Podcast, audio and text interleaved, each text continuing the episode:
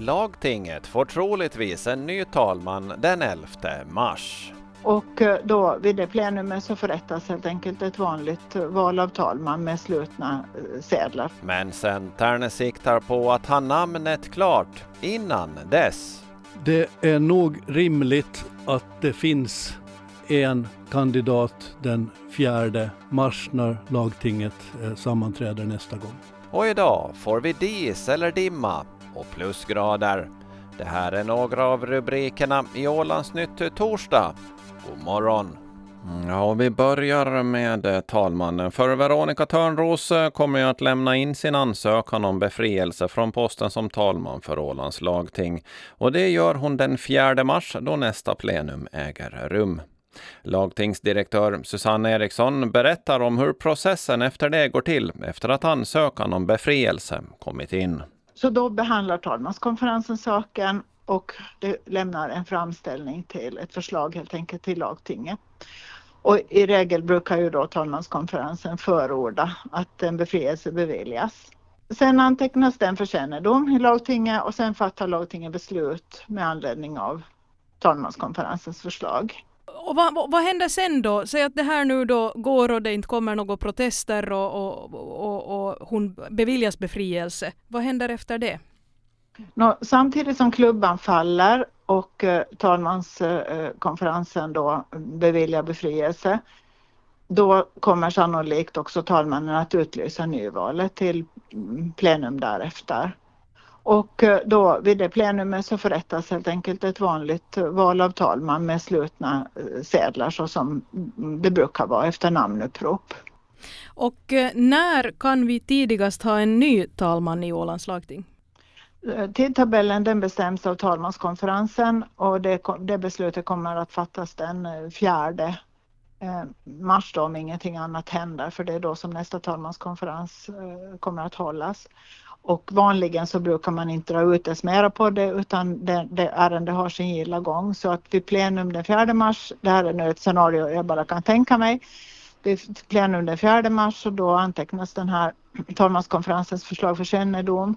Och sen så fattas beslut på basen av talmanskonferensens förslag på onsdag den 6 och då eh, utlyser man samtidigt nyval som kunde hållas då um, första ordinarie plenum därefter som är följande måndag. Då. Och det är alltså måndagen den 11 mars. Det säger lagtingsdirektör Susanne Eriksson, reporter Heidi Grandell Sonck. Och Centerns lagtingsgrupp hade ett möte under eh, onsdagen, igår alltså. Och i samband med det då så kommer mejlet från talmannen Veronica Törnros där hon meddelade att hon eh, avgår från sin post vid nästa lagtingssammanträde den 4 mars. Jörgen Pettersson, ordförande för Centerns lagtingsgrupp, menar att man redan börjat kika efter potentiella ersättare. Absolut. Eh, vi har sex stycken mycket lämpliga talmanskandidater i vår grupp alla som sitter i lagtingsgruppen, var och en av dem är ytterst lämpliga att vara talman i Ålands lagting och att företräda parlamentet. Mm. Men vem, vem ligger bra till? Alla. Eh, eh, om jag ställer frågan så här, har ni fört några diskussioner mer personspecifikt? Även om du inte vill eh, delge det idag? Ja, det har vi. Och de har landat i att vi för ögonblicket har sex stycken mycket lämpliga kandidater. Och vem av dem som sen kommer att nå ända fram, det kommer framtiden att utvisa. Vilka egenskaper ska en bra talman ha enligt dig? Det måste vara en som har en, en diplomatisk kärna i sig som vill eh, förena det arbete som sker i lagting och det arbete som sker i landskapsregeringen. Att se till att allt går så smidigt som möjligt. Det måste vara någon som för sig också som representant för det officiella Åland. Det är en väldigt viktig del. Men framför allt så tror jag att det handlar om att nu sätta fokus på riktiga framtidsfrågor. De har nog faktiskt om ni ursäktar för medierna är också lite mer skyldiga till det här, hamna i skymundan under de senaste månaderna. Mm. Eh, men det här är egenskaper som ni alla besitter? Då? Absolut.